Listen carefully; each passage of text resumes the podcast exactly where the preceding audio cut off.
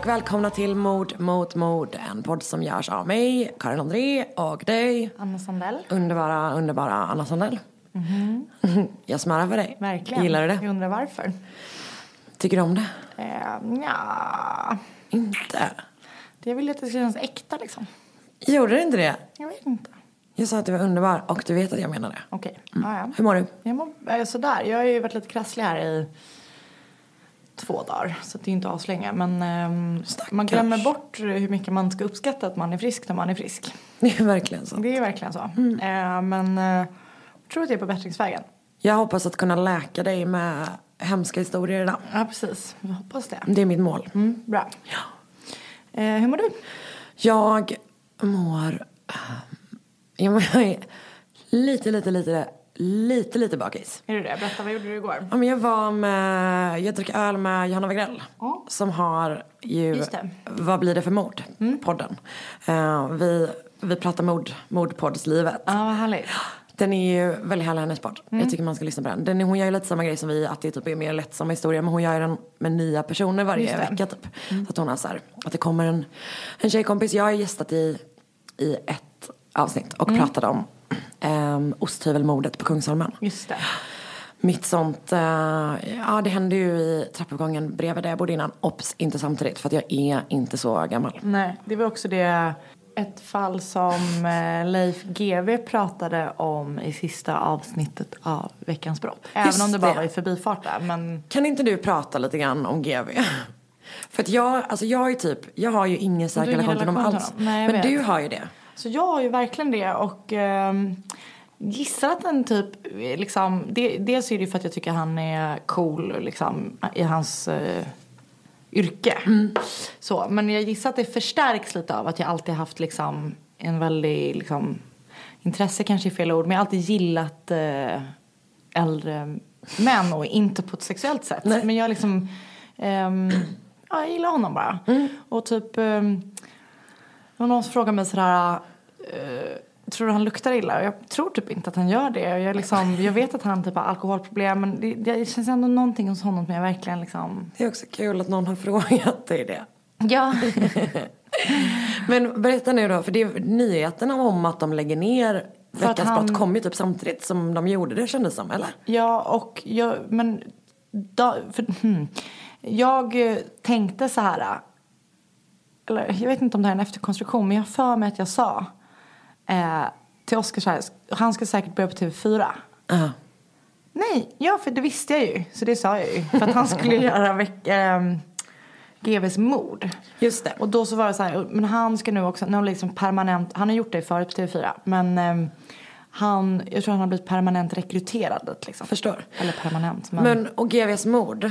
ja, det var det som jag kollade på igår när jag skrev till dig. Som, det är inte så starkt som jag önskade att det skulle vara. Eller så var det bara för att jag tyckte typ, alltså, han då väljer ut ett fall som han typ berättar om, utredningen kring. Och det är egentligen jätteintressant. Igår handlade det om Peter Mangs som jag typ hade glömt bort. Eh, alltså typ en, en typ av laserman. Han sköt precis. eh, folk med invandrarbakgrund i Malmö. Eh, 2003 till typ 2010, alltså under ganska lång, lång tid. tid. Ja. Att typ Eh, verkligen så här, sätta skräck i Ja. Malmö. Ja, usch. Eh, Och som vi sa, konstaterade när vi tittade på det, ganska smart att göra det typ, vet när det började också bli så gängrelaterade bråk. Så att det blir inte så tydligt att, Nej och typ det är lätt att, bara, att man bara liksom bortförklarar det. För att man Ja. bara, ja det skjuts i förorten, what else is new? Verkligen. För det är ju verkligen en sån grej som typ gör att folk så stänger av, stänger öronen Ja. på ett så fruktansvärt Men en helt sätt. sjuk grej som han berättade igår är att eh, rättsläkarna, det första offret, rättsläkarna upptäckte inte skotthålet förrän typ efter en vecka. Ursäkta? Ja. Det var en person som hade blivit skjuten Ja. och avlidit. Och De, de, de fattade inte att han hade blivit skjuten. hur då? Men de, nu, jag vet inte varför jag hörde det här för jag fick det återberättat när jag satt i soffan. Jag tror kanske att jag chattade med dig. Men nej, de trodde typ att han hade fått eh, en propp Men eller och att gud. blodet var något annat. Och jag, jag minns inte exakt. Men de hade i alla fall missat ingångshålet. Så den här personens familj hade också städat hela lägenheten. För han Nej. hade till och med skjuten i sin lägenhet. Just det, genom ett fönster? Exakt, han hade lasersikte då. Som, man fick också se en film Där de sköt en kille som stod och alltså, tränade med en skivstång ovanför huvudet. Och sen helt plötsligt bara skjuten. Och det var som i en sån film. För han satte sig på knä. Du vet, först gick han ett varv, sen han blivit skjuten. Och sen bara satte han sig ner på knä. Men gud, Han en överlevde. riktig film? Mm, en övervakningsfilm. Men åh vad obehagligt. Va, Alltså att det var, han, han liksom föll inte ihop direkt Nej. liksom. Gud Typ inte överhuvudtaget var det nästan som. Utan han satte sig på knä efter ett tag typ. Men vad är upplägget? Alltså är det, är det bara han som Ja, berättar om... precis. Då är det bara han som berättar. Och så är det reenactments. Aha. Så det kan vara det som gör att man typ har lite svårt för det. För det är lite så här. Är de Någon fejk eh, Peter Mangs då som så här cyklade på en cykel. Och Ah. så. Men eh, jag tittar ju på den då för att eh, jag gillar GV liksom. Mm. Så kommer han göra det? Vet du om han ska göra det nu en gång i veckan typ? Mm. Varje tisdag klockan nio. Mm. Jag vet inte. Nej. Jag, kan, jag vet inte. Nej, men, men det, det är okej, det är ett okej program. Men jag, egentligen var ju Veckans brott ett okej program också. Han kanske inte är någon super-tv-personlighet. jag tycker också att det var skönt att där hade man ju hon, eh, vad hon, Camilla Kvarntoft va? Som typ ändå jag kände så här, hon drog ett jävla last där. Alltså det är så roligt att han ens får vara på tv. För han tittar ju typ inte på henne. Nej, och alltså nej, nej. han är så jävla weird. Men han är ju så jävla härskarteknikig. Alltså i allmänhet är Ja. ju det väldigt mycket. Verkligen. Men eh, så det är veckans, nej, GVs mord. Ja, nice. Ehm, jag var ju i eh, Göteborg förra helgen. Ja, Jag var så himla pinsam Anna. berätta. Ja men jag eh, var i Göteborg och firade min eh, 30-årsdag för liksom andra helgen. Vi, eh, nej men vi firade i Stockholm och sen så var jag nere och, var jag nere och firade med mina kompisar i Göteborg. Och sen så var vi liksom, först drack vi massa bubbel och sen var vi på middag och drack skitmycket eh, där också. Och sen så körde vi karaoke. Just Eh, och, ehm, och typ du vet så att man, det var bara, det var så himla mycket fireball shots och bara så. Jag var rejält packad. Hade just rivit av en riktigt stark version av eh, Wrecking Ball med min kompis Fanny. Som jag minns det. Så var det liksom the performance of the century. Ehm, och sen när vi kom ut, går därifrån, då kommer det fram en tjej och bara hej jag tycker jättemycket om din podd. Och jag fattade ingenting. Jag var helt övertygad om att någon typ hade så här gett henne en öl för att komma fram och säga något snällt till mig. Så jag hanterade det, jag hanterade det så jävla jävla illa att mina kompisar mobbar mig för det Är det sant? resten av kvällen. Men det är väl inte så konstigt att man reagerar med det. Nej jag vet, men jag, alltså du vet jag var så här, jag var full och förvirrad och bara det har aldrig hänt mig innan att någon Nej. kommit fram och jag blev så himla glad. Men jag kunde typ inte tro på det. Nej. Så att eh, till dig som jag träffade utanför Sing Sing, jag ber om ursäkt, jag blev jätte, jätteglad. Jag tror att jag eventuellt krampaktigt kramade henne till slut. Det Ja, var bra. jag gjorde mitt bästa. Ja. Och det blev sådär tror jag. Du är så tuff mot dig själv bara. Men jag tror att nästa gång det Ja. händer så lovar jag att vara mer well behaved. ja. Jag lovar. Jag lovar att du var fantastisk redan då. Jag tror verkligen inte det. Ehm, just det, en till grej. Mm. Såg du att våran eh, gemensamma vän och din kollega Lottie skrev till oss på Instagram? Ja. Att hon bara, jag har hört att eh, The Kinks bodde hos en seriemördare. Ja. Alltså bandet The Kinks, 60-talsbandet, det brittiska. ehm, att de bodde hos en seriemördare när de var på turné. Så då var jag genast tvungen att kolla upp det. Som jag gillar The Kinks och är väldigt intresserad av seriemördare. Mm. Eh, om någon hade missat det. Och eh, nu ska jag berätta för dig Anna. Ja. Att de bodde inte hos en seriemördare. Men de var hemma hos en seriemördare. Och det var John Wayne Gacy. Det är så sjukt. Han, de, var, de var på turné i, um, i USA 65 och eh, han var så här promoter för en av eh, spelningarna de gjorde. Gud vad sjukt. Så efteråt så var det typ att han bara, följ med hem till mig och drick bärs. Så gjorde de det. Gud, vad sjukt. Och han tyckte att de skulle sova över men de var så här, de typ tog in på ett hotell istället. Dock, eh, han hade inte, det var liksom inte, för han gömde ju kroppar i sitt hus. Ja. Men jag tror att han inte började eh, mörda förrän typ 72. Just så att det. det var liksom inte, han Det var var inte innan. igång då. Men ändå. Mm, helt sjukt så, så sjukt. John Wayne Gacy är ju en av mina Ja, ett av mina favoritfall. Eh, så han, för jag är så himla fascinerad av hela den här clown- clowngrejen. Ehm, så stört. Verkligen sjukt. Eller hur? Bra tips från Lottie. Verkligen, jag blir så så glad. Ehm, men vi drar väl igång. Ja. Just det, ja vi kommer ju nu då prata om mord. Precis. Uh-huh. Det är ju det vi gör. Det är ju det vi gör, precis. Och det, jag tror att du är först den här veckan va? Kul. Det, jag är väldigt nyfiken på vad du ska göra. Mm. Som vanligt. Åka hem.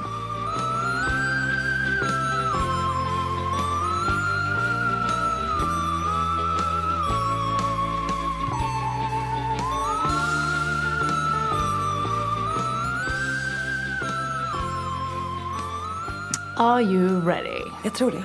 Då börjar jag.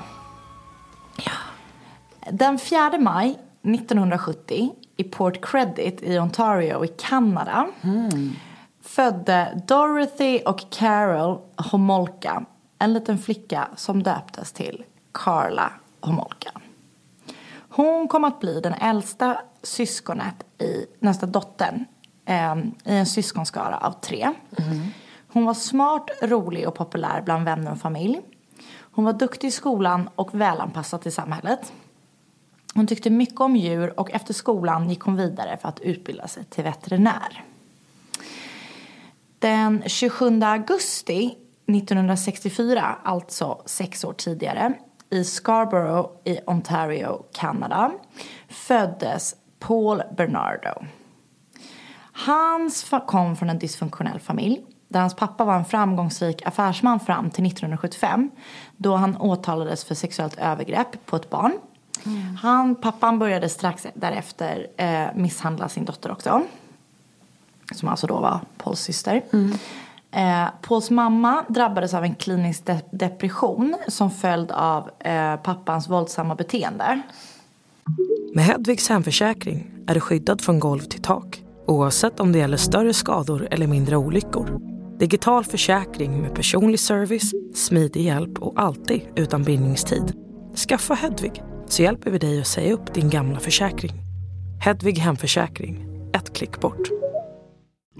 Aj, aj, aj, det kluckar i rören.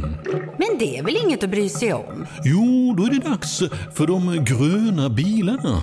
Spolarna behöver göra sitt jobb. Spolarna är lösningen. Ah, hör du? Nej, just det. Det har slutat. Dåliga vibrationer är att gå utan byxor till jobbet. Bra vibrationer är när du inser att mobilen är i bröstfickan. Få bra vibrationer med Vimla. Mobiloperatören med Sveriges nöjdaste kunder enligt SKI. Ehm, så när Paul, eh, och när Paul var i tonåren eh, så berättade hans mamma att eh, pappan egentligen inte var Pauls riktiga pappa. Och att han egentligen var son till mammas älskare. Men att pappa, hon hade dolt det för pappan genom att ehm, ehm, skriva pappans namn i Pauls födelsebevis. Så det är liksom han, hon, hon är, kommer från en superhelig familj och det gör ju han egentligen också. Även om det liksom någon gång tar, eller hans pappa, det kanske man inte skulle säga att det var en superhelig familj egentligen. Men Det beror han på vad man menar att helylle är. Exakt. Jämfört med många andra fall vi gör. Så ganska- Superfunktionellt. verkligen. Ja. Ehm, år 1987 fyller Carla då 17 år. Eh, där hon, då går hon på en husdjursmässa i Toronto. Mysigt. Ja, hon ska ju då bli, utbilda sig till veterinär. Eh, på den här mässan så träffar hon Paul Bernardo. Paul är äldre såklart, han är sex år äldre än hon. Han är snygg, han är charmig och de här två hamnar i säng med varandra samma dag som de träffas. Kul, äkta att gå och ragga på husdjursmässan. Och tydligen så hade de sex med varandra eh, i tre timmar när de hade med sig varsin vän på ett hotellrum. Och de blir kära och inleder en relation. Vänta, de knullade i tre timmar medan deras kompisar var där. Ja. Man bara, gå där, ta en promenad. Jag och kompisarna borde ju gått hem. Gå, gå ner till typ hotellbaren och ta en öl. Det, ja, de kanske hade sex också. Jag vet Också inte. från och med nu, om jag någonsin blir singel ska jag åka rakt ner till My Dog-mässan på Svenska Verkligen. mässan och bara ragga loss. Vad är Svenska mässan? Är det, Ja, det är Göteborg? Du kan ju bara åka ut till Älvsjö här när de har husdjursmässa så slipper du åka dit. Fast du kanske vill ragga på göteborgare. Ja, det är min fetisch. Jag vet. Det och stora näsor. Ehm, samma år, alltså 1987 som de träffas, så eh, sker också en, eh, den första av en eh, serie våldtäkter på unga tjejer i Scarborough. Och gärningsmannen döps till The Scarborough Rapist. 1980, mellan 1987 och 1990 våldtar Paul eh, så många som 11 eh, tjejer mellan 15 och 21 år. Polisen fick in många tips på vem som var den skyldige våldtäktsmannen. Det är alltså han som är the Scarborough Rapist. Det är Paul. Det är Paul. Ehm, polisen fick in må- jättemånga tips från vittnen som hade sett dem. För det han gjorde var att han liksom väntade typ vid en busshållplats och överföll dem.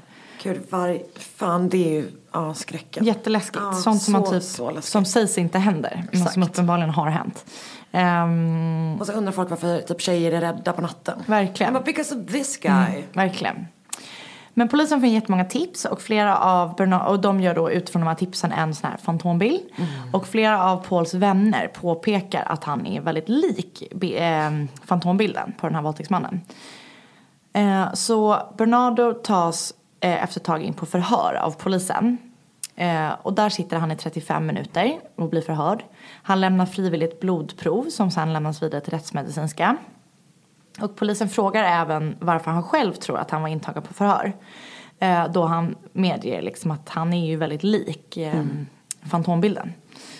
Eh, han berättar för Carla, alltså hans flickvän, eh, om förhöret samtidigt som han bedyrar sin oskuld för henne.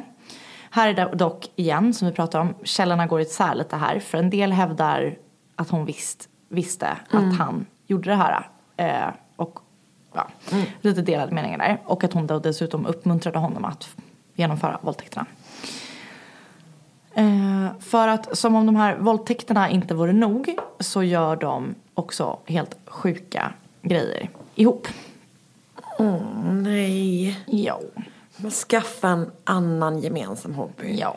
Börja så med fjällvandring. Precis. Bugg. Bugg, gå med i något sånt, eh, du vet medeltidssällskap. Precis. Mycket grejer finns att Det göra finns innan. så många dåliga grejer som inte är så dåliga. Verkligen. Eh, för det som det egentligen tar sin grund i då är att eh, Paul har sen de eh, träffades tyckt att det är jättejobbigt att Carla inte var oskuld. Och att hon då typ håller på att bli äldre och sådär. Så eh, jag kommer att göra det här inte i kronologisk ordning för jag kommer ta det som typ drabbar mig värst sist. Så vi kommer avsluta på Det värsta. perfekt. Ehm, mm, ja. Eh, Carla jobbade i en djuraffär. Hon hade ju ett starkt djurintresse. Hon har inte blivit veterinär. Nej, alltså hon är ju... eh, Nej. Nej, hon nej, är... nej, hon är inte veterinär. Nej, okej. Eh, förlåt. Nej, hon jobbar... Det här är 91, så hon är alltså... Hon är 21. Mm. Då, hon jobbar i en djuraffär. Ehm, så det här som jag sa i början, att hon går vidare för att läsa till veterinär är kanske att hon typ har ambitioner om att göra det. Just det. Ehm, eh, hon jobbar i en djuraffär och i djuraffären blev Carla kompis med en flicka som är 13 år gammal. Nej. Mm. Deras relation beskrivs som att eh, den här tjejen ser upp till Carla som att Carla vore hennes stora syster. Och den, sjunde, den här tjejen är inte namngedd utan hon kallas för Jane Doe. Eh, Den 7 juni år 1991 bjuder Carla med Jane Doe på en tjej, tjejkväll. Eh, De går ut och shoppar och hon winar och dinar henne, eller hon dinar i alla fall henne. Och efter middagen så bjuder Carla med Jane Doe hem. Väl hemma i Carla och Pauls hus bjuder Carla henne på drinkar som är spetsade med Halcyon eller något som heter Triazolam som är ett lugnande medel som, används, eh, som ofta används som sömnmedel. Så när Jane Doe har förlorat medvetandet så ringer Carla till Paul och säger att hon har en överraskning till honom och att överraskningen är hans bröllopspresent. Ehm, Vänta, det här... Du menar att det kommer bli värre än det här? ja. Du vet alltså inte vad det här är för fall? Alltså jag... Du känner- tror att du vet? Ja, fast... Ja, alltså jag, jag känner igen deras namn. Mm. Jag tror att jag har hört om det. Men jag minns inte... Jag tror att jag har förträngt... Ja. Du kommer bli varse. Jag är sorgsen nu. Eh, hon säger då att den här överraskningen ska fungera som hans bröllopspresent. Eh, när han sen kommer hem så klär de av flickan som då är avtäckad. Och flickan var då oskuld. Och det som händer nu är superfruktansvärt såklart. Um, för Bernardo, alltså Paul, filmar först när Carla våldtar Jane Doe. Innan han själv våldtar henne. Och han, jag behöver typ inte berätta exakt vad han gör men han har eh, han är ganska liksom aggressiv i sina våldtäkter. Eh, och dagen efter så vaknar de, de typ går och lägger Jane Doe och hon vaknar och mår illa och kräks och hon tror Jane Doe tror då att hon vet inte vad som har hänt henne utan hon tror att hon mår dåligt för att hon har druckit för första gången. Ehm, så hon typ blir hemkörd och sådär liksom, inget mer med det. I augusti samma år blir hon inbjuden igen för att tillbringa natten med det här paret. Även då blir hon drogad så illa att ehm, hon under en period slutade andas under tiden Paul våldtar henne. Och Carla ringer då till polisen men sen vaknar Jane Doe till liv och då så ringer hon tillbaka till polisen och säger att allting är lugnt liksom. Abort utryckning. Ehm, sista gången de stöter på henne, Jane Doe, eller Jane Doe stöter på dem är i december 1992 då hon kommer hem till dem. Och ehm, då försöker paret pressa henne att ha sex med dem. Nej, med Paul bara. Utan att drogen Utan att först. hon är drogad. Och då blir hon upprörd och går därifrån. Och det är lite så oklart vad som händer sen. För att hon lever fortfarande. Och hennes identitet är då skyddad i rättegångar och sånt där. Men de åker inte dit på det. Så att jag vet inte om hon inte säger någonting förmodligen. Ehm, det här är då killgissning. Men jag gissar att hon ehm, liksom inte anmäler det här. Utan skäms typ. Och eh, Så att det det- kommer upp först liksom. När de faktiskt åker dit. Ja. Um, den, samma år, i juni också, då de träffar eh, Jane Doe för första gången. Den 15 juni, tidigt på morgonen, stöter Paul på den 14-åriga Leslie Mahaffey. Och hon har ingenstans att tillbringa natten för hon har typ så här stannat ute över sitt curfew eller typ ljugit för sina föräldrar. Så hon och Paul får kontakt på, med varandra på gatan. Och han typ säger att han är ute och scoutar för att han ska göra inbrott och bjuder med henne tillbaka till bilen där han kan bjuda på sig. Eh, och när de är i bilen så sätter Paul på henne en ögonbindel. Och sen kör han med sig eh, henne, eller eh, eh, flickan Leslie hem till sig och Carla. Och väl hemma så berättar han för Carla att han har med sig en så kallad lekkamrat till dem. Eh, Carla och Paul filmar sedan det här övergreppet som visar tortyr, misshandel och våldtäkt som hon utsätts för. Både då Carla och eh, Paul våldtar henne. De är liksom aktiva båda två. Båda är aktiva. Någonstans beskrivs Carla som att hon är en, en entusiastisk lesbisk älskare.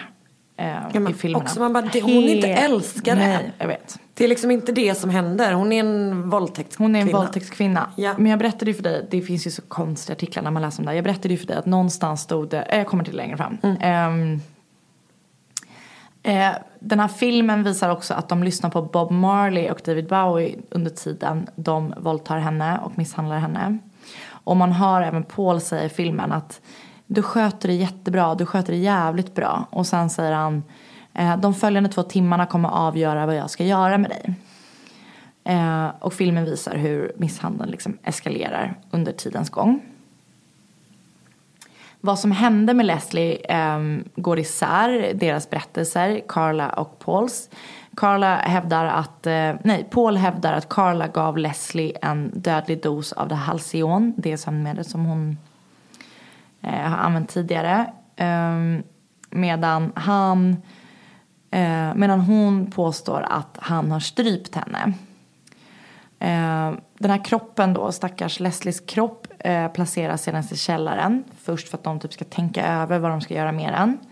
Efter ett tag så eh, styckar de kroppen och la den i cement. Eh, som de sedan de- dumpade i Lake Gibson. Men en del av cementblocken var för tunga för att dumpa på djupt vatten. Så de lämnade typ nästan så här vid strandkanten. Och efter ett tag så upptäcktes ju då de såklart. Eh, fredagen innan påsk 1992, den 16 april, eh, var paret ute tillsammans på jakt efter ett nytt offer. De passerar då ett katolskt gymnasium eh, där de får syn på en 15-årig tjej som är på väg hem. Carla approachar den här tjejen med en karta i handen och låtsas som att eh, hon behöver hjälp att hitta vägen. Eh, samtidigt som Kristen French, som den här 15-åriga flickan heter, hjälper Carla med kartan attackerar Paul henne bakifrån. Paul är beväpnad med en kniv och tvingar in henne i bilen. Och i bilen sätter sig Carla i baksätet och Kristen French får sitta i framsätet och där sitter Carla och håller henne i håret för att försöka kontrollera henne. Men det som händer är att eh, Kristen brukade varje dag gå hem efter skolan och gå ut med familjens hund. Så när hon inte kommer hem så blir familjen orolig och ringer ganska kort därefter till polisen. Som inom ett dygn sätter ihop eh, en eh, grupp som letar efter henne i det området där hon brukar röra sig. Flera vittnen har också sett den här kidnappningen och kunde lämna signalement på både Carla, Paul och deras bil. Men det är liksom mitt på dagen. Ja, på eftermiddagen. Det är så jävla, Det är jävla så sjukt. Ja. Um, det är då även på det. De ser på Carla, Paul och deras bil. Även en av Kristens skor hittas på platsen. Så de fattar ju att det är något foul play. I, i tre dagar över påsken ehm, håller Carla och Paul Kristen fången. De misshandlar och torterar och våldtar henne upprepade gånger. Det gav henne en massa, massa sprit för att hon skulle fortsätta att vara dem undergivna, undergiven. Eh, och det var det här jag berättade för dig om helt, vad folk skriver för sjuka artiklar. För en dag när Paul lämnar deras hem så blir han sedd av en tjej som tidigare har förföljt, han har tidigare förföljt henne. Ehm, och hon går till polisen men polisen sjabblar liksom med den här eh, anmälan så att de följer inte upp Paul på något vis. Och det som var så sjukt i den här artikeln var att någon hade skrivit så här Unfortunately someone saw Paul as he left the building typ. Som att det hade varit som en dålig är, grej. Som att man är på hans sida. Jättekonstigt. Ehm, och tyvärr blir även eh, Kristin mördad av det här fruktansvärda paret. Eh, senare så vittnar Paul om att, eh, nej, Carla vittnar senare om att Paul ska ha strypt henne i sju minuter då Carla tittar på. Samtidigt som Paul hävdar att Carla var den som dödade henne. Eh, och han påstår att Carla slagit henne med först med en stor gummiklubba. Vad det nu innebär vet jag inte. Och att hon sedan hade strypts av en sån rännsnara som var knuten runt Kristens hals. Så själva mördandet skyller de på varandra. Ja. Kristens kropp hittas någonstans i typ en dunge eh, 30 april, alltså typ två veckor efter 1992. Eh, när hon hittas så är hon naken. Och hennes kropp har blivit tvättad och hennes hår har klippts för att de ska liksom försöka röja spåren typ. Och det är nu jag hoppar bakåt i tiden. Eh, för det här är, eh, allt är mörkt i det här. Men det här är det mörkaste. Jag blev så ledsen när jag läste om det här första gången. Så att, ja, jag bara berättar. Mm. Ehm, när Paul och Carla träffades så tyckte liksom alla att det var för bra för att vara sant. För de var då, hon var snygg, han var snygg. ehm, han kom bra överens med hennes familj, han hade ett bra jobb. eh, liksom, allting verkade bara super, super bra. Så Paul tillbringar mycket tid med Carlas familj. Och de tycker jättemycket om honom. Ehm, det de inte vet är under tidens lopp så slutar han då, han var typ revisor eller något sånt där. Han blir av med det jobbet och han liksom började hamna lite på glid. Han typ smugglar cigaretter och så här.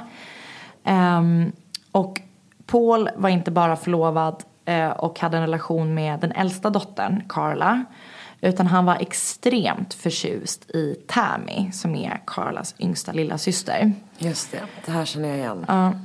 Och när han är hemma hos dem så eh, flörtar han super, super mycket med henne. Och efter ett tag blir han besatt av henne. Han blir liksom besatt av att hon är en oskuld, o, liksom en oskuldsversion av Carla. Så han brukade liksom titta in genom hennes fönster när, han, när hon låg och sov och eh, titta på henne samtidigt som han onanerade. Och liksom, han var helt, helt besatt av eh, Tammy då, som är typ 14 tror jag. 15 år är hon. Ehm, och det är ju då återkommande det här då att ehm, Tammy inte var oskuld när hon träffade Paul. Det har varit en återkommande grej As. i deras relation. Ja. Man bara, nu ska jag nog lägga någonting på eh, min flickvän som hon inte kan göra någonting åt och sen shamea henne för det Alltså- i all framtid. Nej, nej. Det är så dumt. Så eh, Carla bestämmer sig för att ge Tammys oskuld till Paul i julklapp. Nej, nej, nej, nej, nej. Köp en fin tröja. Ja. Du kan köper inte... inget alls. Köp inget... Gör slut. Ja. Just Det det. är väl typ den bästa lösningen på sånt här as. Men, alltså, men, men du kan liksom inte ge bort din lilla systers oskuld. Nej. presentkort på, inte på det. På, något helt annat. Alltså, Åhléns. Jag såg, man kan köpa presentkort på ÖB. Ja. köp ingen present Nej, till någon det. som inte förtjänar en present. Han ska inte ha ett jävla presentkort från ÖB. alltså, han är, he's not worth it. Nej. Du har, Anna, du har helt rätt i det. Mm. Ingen present, gör slut, dra därifrån. Dra därifrån. Tyvärr gör inte hon det. Så den 23 december 1990 blandar Carla ner sömntabletter i sin 15-åriga systers drink. Ehm, Efter att Tammy har blivit medvetslös tog Carla en trasa som hon dränkt i halotan. Vilket är ett ämne som används vid operationer och det ger en lättstyrd bedövning typ. Ehm, så hon gör så som i filmer, tar typ en trasa sådär. Ehm, så det de gör sen är att medan Carlas och Tammys föräldrar ligger och sover på övervåningen så tar de med sig Tammy ner i källaren och våldtar henne medan de även då filmar våldtäkten. Eh, Tammy börjar då att kräkas och eh, typ kvävs på sina egna eh, spyor. Så Paul och för- Carla försöker först väcka henne till liv, men det går inte. Så då städar de undan alla bevis och ringer 911. Eh, och bara några timmar senare så dödförklaras eh, Tammy. Jag vet, det är ju verkligen hemskt. Och även om eh, Paul och Carla har betett sig riktigt, riktigt eh, misstänksamt under natten. De har liksom dammsugit, de har tvättat och så här. Så är det ing- och att Tammy har även en kemisk brännskada eh, i ansiktet efter det här eh, medlet. Men vad, vad tror man, vad säger de har hänt med henne? Nej, de säger att hon har druckit för mycket och kvävts på sina egna spyor. Alltså sånt händer ju tyvärr också. Ja, ja. Eh, och även trots de här grejerna, deras liksom misstänksamma beteende, hennes den här skadan i ansiktet, så tror polis och typ eh, sjukvård och sådär på deras eh, berättelse om då att hon har kvävts på sina egna spyor. Eh, och familjen tror på det och alla tror på det. Så då kan de fortsätta då göra de här grejerna som jag berättade om efter. För det här var ju liksom det första mordet de begick tillsammans. Även om det inte var ett genomtänkt mord. Eh, så var det ju en genomtänkt vidrig grej. Så jävla sorgligt här. Ja, det är Jag är Ja. på väg att börja gråta. Nej, det är hemskt. Och som vi vet var ju Paul i kontakt med polisen redan första gången när han var lik den här fantombilden. Men när en av flickorna försvann i ett område, ja, i något område, eh, så var det ett vittne som kom ihåg att hen hade sett en bil i det här området de försvann. Och hon trodde att bilen var av märket Camaro, som jag inte vet vad det är för märke. Det känns som att alla bilar i USA är av märket Camaro. Som är typ av olika märken. Camaro. De har tre miljoner inhemska bilmärken i USA. Tror jag. Det är ju du som har körkort här. Eh, Så polisen som var ansvarig för den här utredningen började undersöka då alla Camaros i den här regionen. Och på något vis då så dyker Pauls namn upp där i den här utredningen. Och han åker, polisen åker och hälsar på honom i hans hem. Eh, Paul är sjukt tillmötesgående när han blir förhörd och han erkänner att han även har blivit förhörd i samband med Scarborough-fallet. Eh, det som jag inte riktigt fattar i hur han är tyckt upp är för att polisen lägger även märke till att han kör en Nissan och inte en Camaro. Men trots det, eh, att det inte är rätt bil, så kontaktar de här poliserna eh, de poliser som har arbetat med våldtäkterna. Och frågar vad som hände med de testerna som Paul lämnade då, fem år tidigare. Eh, så då visade det ju sig att eh, de här, hans tester aldrig blivit matchade till, eller med det, de har aldrig blivit testade. Så Va? att, ja, de har bara legat i typ förvar någonstans. Inte ens mot de våldtäkt, alltså de... Nej. In... Åh. Så då var det dags att testa och självklart visar ju testerna att det var Paul som var våldtäktsmannen. Ehm, och då börjar de intervjua, eller intressera sig mer och mer för Paul. Och då vill de såklart träffa Carla eftersom det är hans ehm, fru, eller fäst, nej de är gifta, fru. Ehm, och Carla förstår då såklart att de har lyckats koppla ihop det här. Eh, våldtäkterna med morden. Så hon berättar för sin farbror att hon visste att Paul var Scarborough rapist och att han hade dödat två av flickorna och hon skaffar sig själv en bra advokat. I januari 1993 grips Paul för våldtäkterna för våldtäkterna som han har gjort då typ fem år tidigare eller mellan fem och tre år tidigare. Och då gör de ehm, en husrannsakan där de hittar då alla, alla bevis. Just det, som är alla filmer. filmer, ja. och, ja. Det liksom går ju inte att... Nej, nej, nej. Eh, men det som händer sen är då att Carla säljer ju liksom ut Paul. De går emot varandra. Hon gör en plea deal eh, mot att hon berättar sanningen om hennes inblandning i fallen. Och eh, det blev såklart ramaskri att hon fick en sån här deal. Eh, men det hävdades då att hon inte var särskilt trolig att begå något brott igen. Utan att hon liksom hade blivit... Men vad är det för, vad är det för deal hon får, vet du det? Hon ska berätta sanningen liksom. Ja, jo men hon var Ja. ut, och i utbyte Får hon 12 år? 12 år. Ja. Ehm, Det är fan få år alltså. Det är väldigt lite. Eh, Pauls rättegång blev uppskjuten i två år av olika anledningar. Eh, så hans rättegång blev inte av förrän 1995. Och i rättegången så blev han fälld på alla åtalspunkter som involverade liksom mord, kidnappning, våldtäkt, sexual assault med mera. Han får livstidsfängelse. Eh, Carla är ju numera frisläppt Nej. och lever liksom ett vanligt liv. Eh, och Nej. det finns så Facebookgrupper och artiklar. Det är jättemånga som har ett intresse för henne. Och på Facebook finns alltså grupper typ så här I saw Carla Homolka. Så folk håller typ koll på henne. Men hon är liksom ute. Men de måste varit så jävla manipulativa typ. Ja. Som, som par liksom. Ja. Ja. det var så här, delvis hela hennes familj älskade dem men också typ att han lyckades så här, att polisen typ gillade honom. Alltså, det Ja, måste så varit för att han var en sån. Och hon Super, med antagligen. ja. Hur ser de ut? De, men de var typ snygga på 80-talet. Jag ska Ja. visa. Och jag älskar stilen snygg på 80-talet. Det är fan. Eh. Vet du vem som har varit så jävla snygg på 80-talet? Nej. Du. Tack. Tror men du med. Nej. Jo. Nej, nej, nej, nej, nej. Du hade varit en sån yuppie-brutta. Fan vad härligt det hade varit. Jag tror inte jag hade varit så snygg i en så här högt hår. Jo, det hade Tror du. det? Ja, det hade du. Tack. Och du hade varit, okej, ska du visa mig nu? Ja, ja, ja. Du ser. Jag fattar. Jag vill se den bilden, tack. Vi tittar nu på deras bröllopsfoto. Oj. Ja. Ja. In med ditt face där. Nej, Alltså men det, det är, var det. Mm, det är så läskigt, det här pratar vi om, har vi pratat om innan, men det är så läskigt med par som gör sån här skit Alltså, tillsammans. det är helt oförståeligt. Ja! Det finns inget läskigare. Eh, nej. Och ehm, För att det är just så här, man fattar ju, man kan verkligen relatera till den situationen. Man bara, men det är lugnt för det är en kvinna med här. Och så bara, nej det är inte lugnt. För hon är också fucking fullblods, en psykopat. ja, alltså så här. Nej, alltså det är så jävla sorgligt. Ah. Men det är ju, jag har ju uppenbarligen verkligen en stark fascination för det här. För det är ju typ, ja, i alla fall mitt andra Mm. fall. Och det är förmodligen inte mitt sista. Med mördarpar. Nej. Undrar varför du är fascinerad av det. Jag tror, jag tror att eh, det är typ det där uh, ultimata, liksom, att man gör någonting ihop på det där sättet. Kan Vad är det dummaste du har gjort tillsammans med en pojkvän?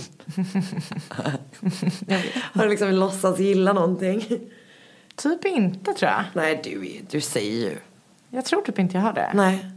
Jag har ju också varit typ samma person sedan jag var 14 år. Så att, Alltså min första pojkvän älskade ju black metal. Jag låtsades ju aldrig gilla det. men gud, du är som hon läraren, läraren.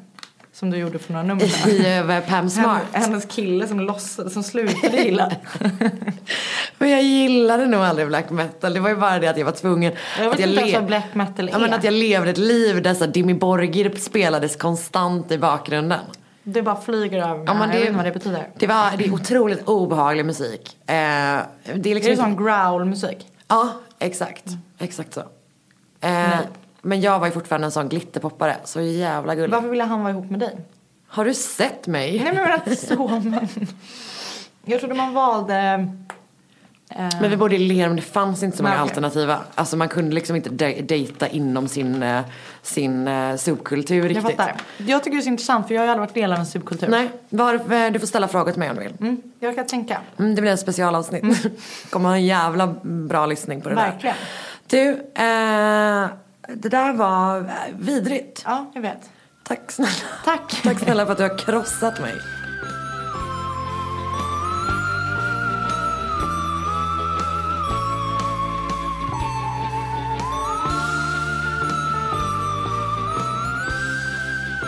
Okej. Är du beredd? Ja.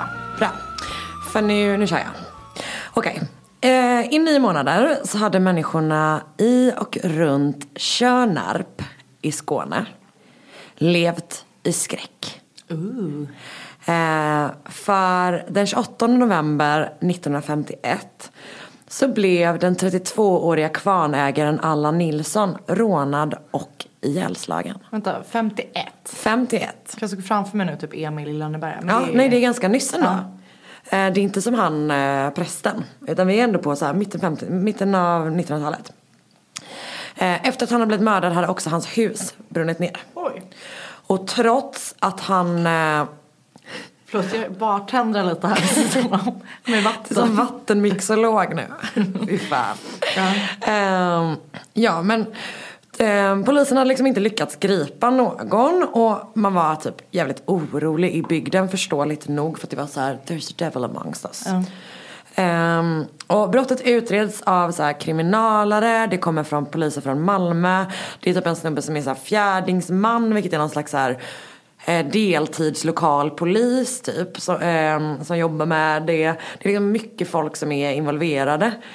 Eh, och det är även det första och enda fallet där man i svensk eh, kriminalhistoria där man har använt ett medium.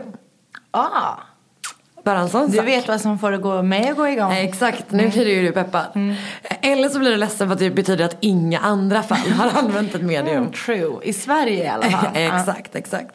Eh, men man har liksom inte lyckats lösa det trots att man har tagit in det här mediumet. Ehm, och det man, det man har kommit fram till är att gärningsmannen är någon som kan både Tjörnarp och Allan Nilssons vanor väl.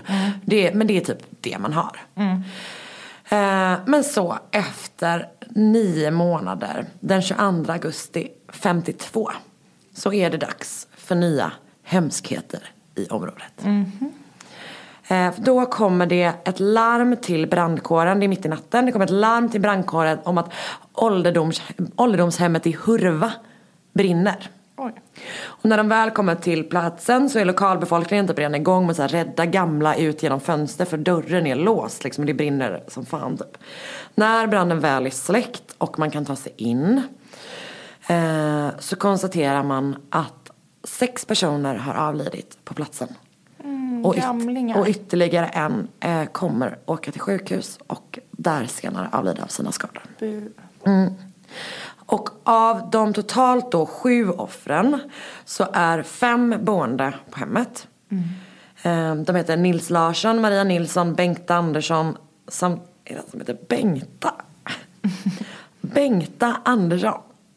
Det kan ju vara Bengt Andersson och du har stått fel. Fast jag tror att jag bara copy-pastat det här.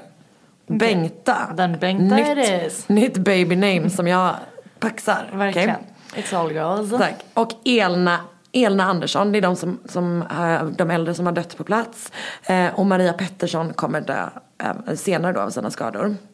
De har alla dött av eld. Men två offer är inte boende och har heller inte avlidit av skador från branden. Okej. Det är föreståndarinnan Agnes Lundin och den anställda som heter Ulla Östberg. De har dött av tre yxhugg mot huvudet vardera. Så de har dött innan branden har börjat. För att någon har huggit dem i huvudet med en yxa. Ungefär 30 minuter från, med bil från Hurva i Kvärlöv, det är så mycket bra skånska namn i den här Verkligen. storyn, eh, brinner en annan byggnad under samma natt. Jaså. Det är ett bostadshus och när man lyckas ta sig in där så inser man att de som bott där, Per och Hulda Hedin, inte heller dött av den branden som har liksom härjat i deras hus. De är också yxmördare. Polisen inser snabbt att det finns en koppling mellan de här två, två brotten som har begåtts under natten. Inte med första. Exakt.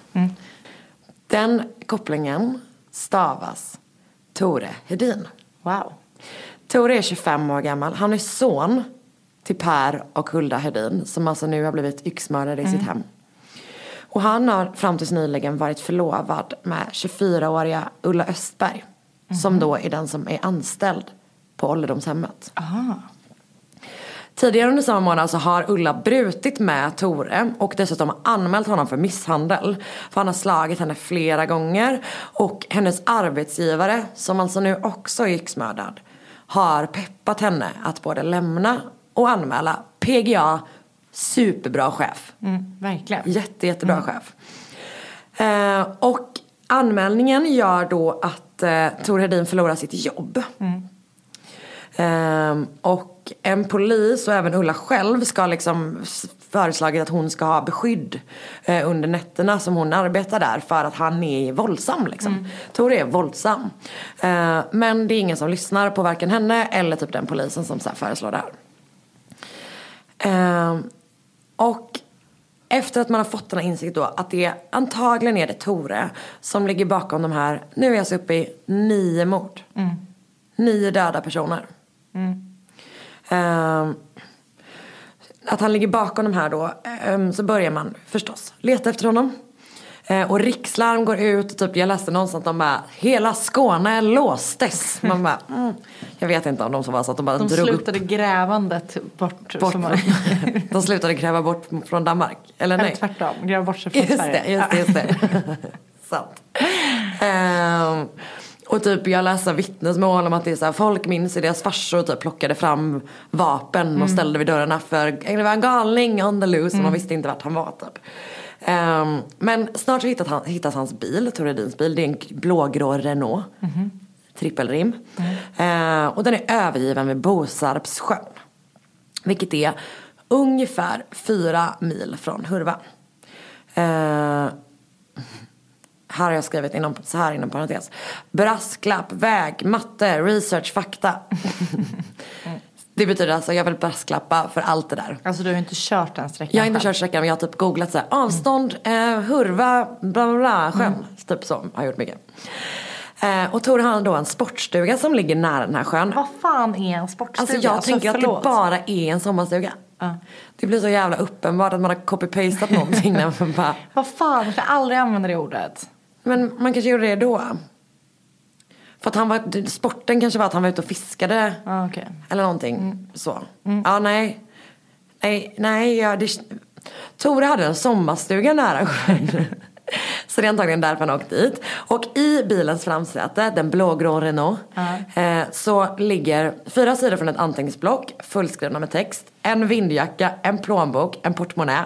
Vad är skillnaden mellan plånbok och portmonnä? Jag tänker att portmonnä är en sån som man öppnar så här. Som Och så är har det mynt i, ja just det. Eh, Jag vet här- inte, men jag gissar. Jag är med på det. Eh, här kommer en detalj som du kommer, kommer uppskatta. Utöver att de här sakerna ligger i för, förarsätet, eller i framsätet, så ligger där också två korvar.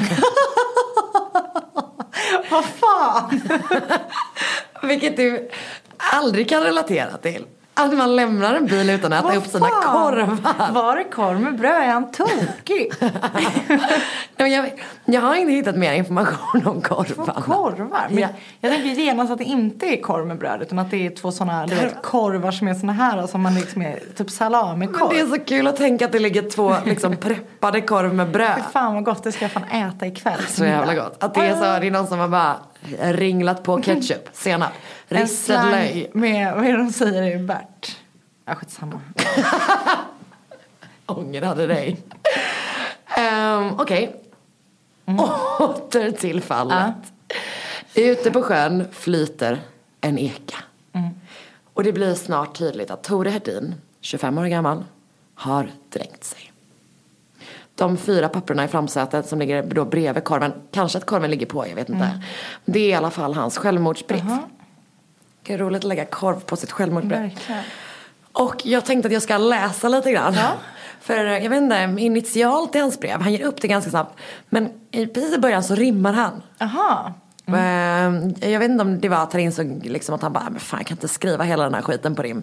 Men han börjar där. Den går så här. Telefonen ringer. Polisen springer. Och letar efter mig. Men mig hittar de mig. Bra. Men min övergivna bil har ni hittat nu och det är ändå något. Och vill ni gissa en gåta så leta i det våta ifall ni tror att jag är där. Men vad fan hände med han första vars kvarn brann? Han säger då att han, Tor Edin, eh, eh, kommer då i sitt eh, självmordsbrev inte bara berätta om varför han har gjort, begått det här som har, det som har hänt under natten. Utan även skit han har gjort tidigare. Ah, okej.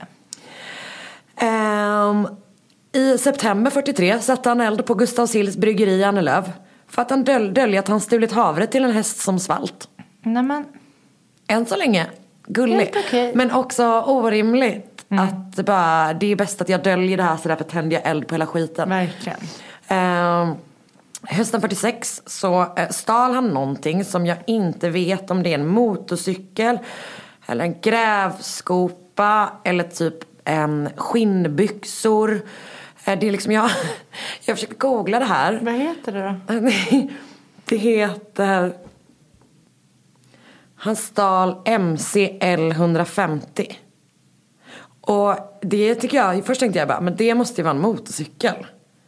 Men sen när jag googlade på det, så, alltså det kom upp bilder på allting från typ sladdar till en grävskopa till ett par Det skinnbyxor. känns som en väldigt vanlig förkortning på något vis. Mm. Men eh, han stal någonting stal i alla fall. Ehm, och han erkänner då också att han den 28 november 51 klockan 02.30, han är väldigt specifik, mördade kvarnägare Allan Ah, Nilsson. okej. Och satte eld på hans hus. Och han säger att han gjorde det för pengarna. Och det här blir ju då en väldigt stor chock för polisen.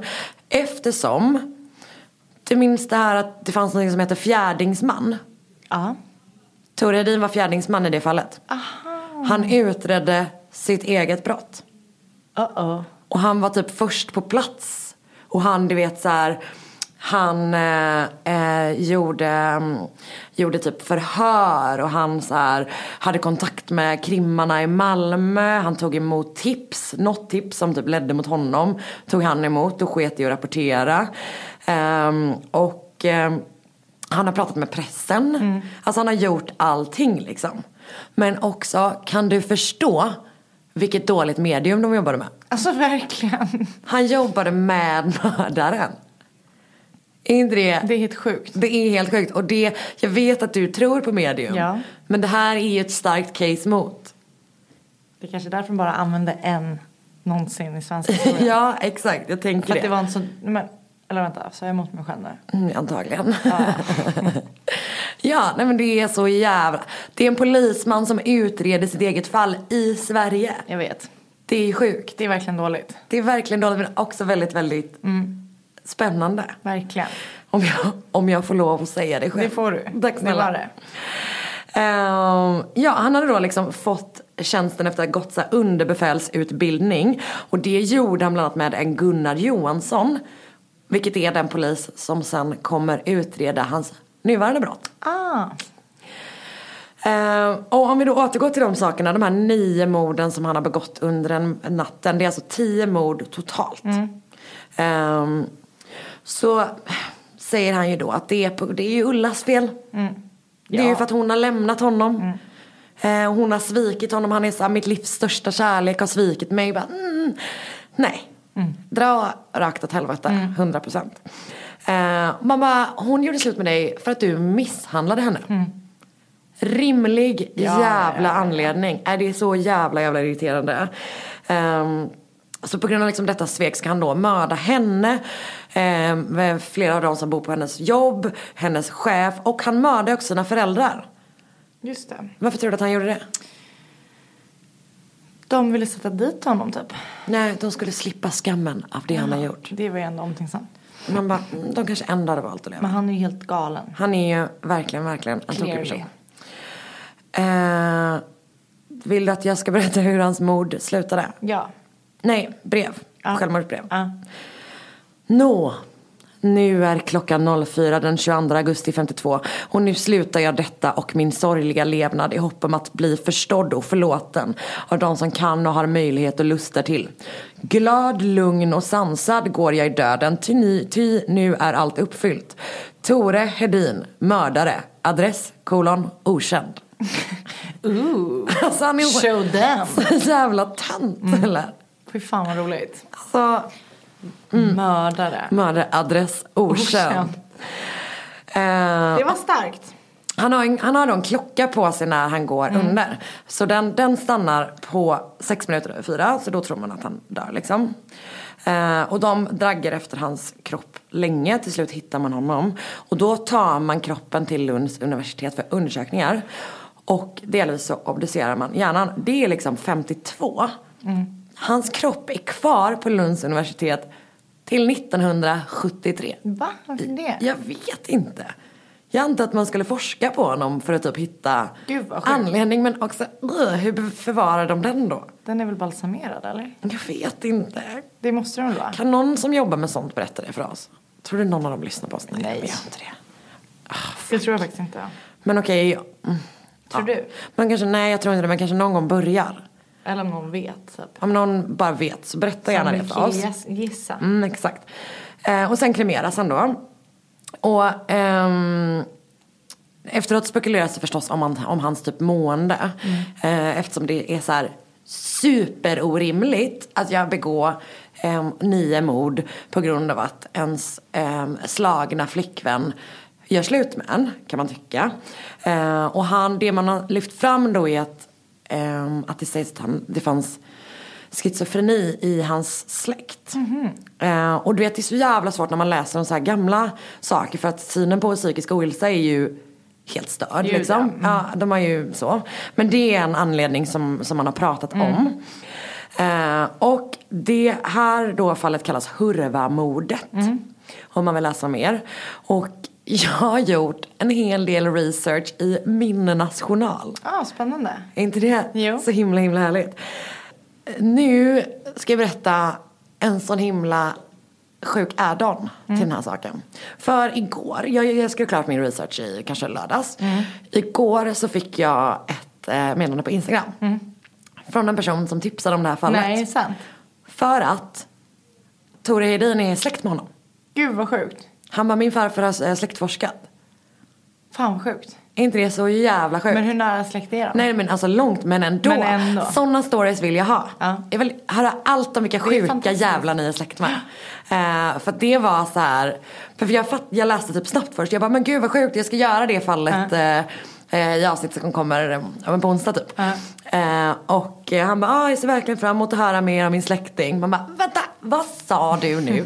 Släkting? Vad sjukt. Så himla himla sjukt. Men vad spännande. Jag vet. Det är väldigt bra. Mer sådana vill jag höra. Jag vill också höra mer om sådana jag är väldigt inne på sådana här eh, svenska mord som jag inte kände till. Mm. Det vill säga som ligger lite längre tillbaka i tiden. Såna, fler sådana tips vill jag ha. Det är bra. Ehm, ja, det där var Tore Hedin och Hurva-mordet. Tack, det var väldigt spännande. Tack snälla. Ehm, och då var vi klara för den här veckan. Det är vi.